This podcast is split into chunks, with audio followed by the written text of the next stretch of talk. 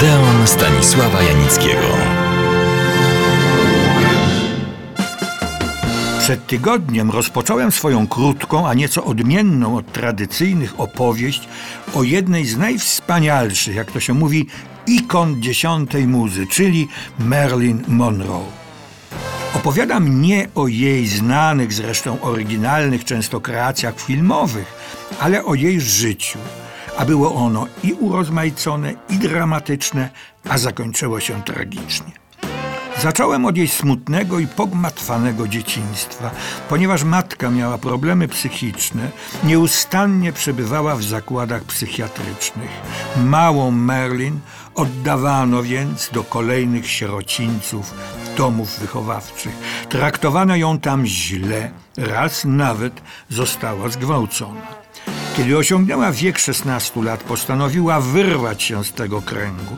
Rzuciła szkołę i wyszła za mąż. A cóż innego mogła zrobić? Za niejakiego Jima Doherty, 21-letniego pracownika zakładów lotniczych. Rok później podjęła pierwszą próbę samobójczą. Kiedy w 1944 roku zmobilizowano jej męża i wysłano do Europy, rozpoczęła pracę zarobkową w zakładach zbrojeniowych. Tu zauważył ją wojskowy fotograf i skłonił do pozowania w nieco śmiałych zdjęciach reklamowych. Merlin stała się popularna wśród żołnierzy jako tak zwana pin-up girl. Inni fotografowie też się nią zainteresowali i zarekomendowali w agencji modelek. Tam poddano ją zabiegowi przekształcenia. Przede wszystkim skrócono jej włosy i ufarbowano na blond. W roku 1946 rozwiodła się. Wysłana została do szkoły właściwego zachowania, ale także śpiewu, tańca i gry aktorskiej.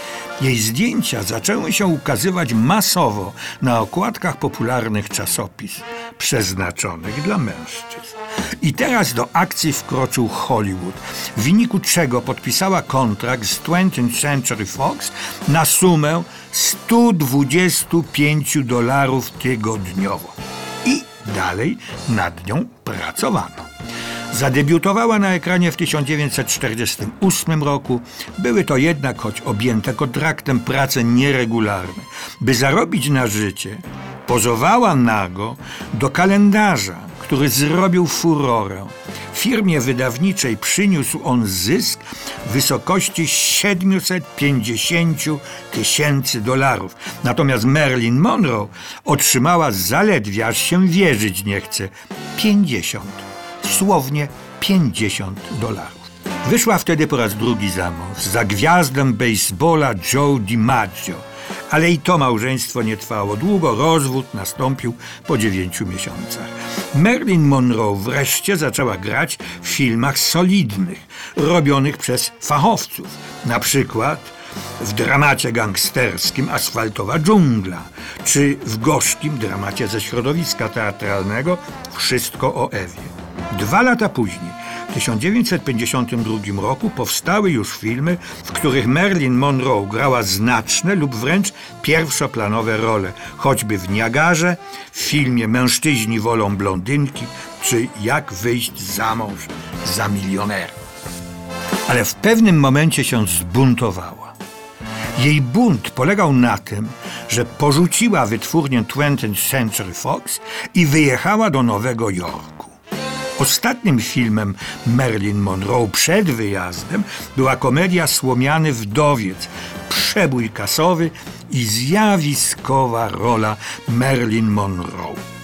Ten film ostatecznie ukształtował i zatwierdził niejako ją jako boginię seksu. Jak pisano, jej spojrzenie, wyraz twarzy, układ warg, jej ochrypły niczym u Louisa Armstronga głos spowodował, że kobiety ją naśladowały, a mężczyźni o niej marzyli.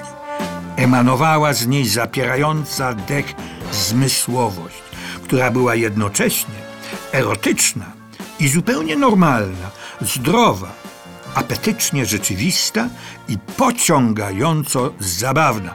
To nie są moje słowa, choć mógłbym się pod nimi podpisać. Bunt Marilyn Monroe miał swoje konsekwencje, ale o nich opowiem w Odeonie za tydzień. Do usłyszenia.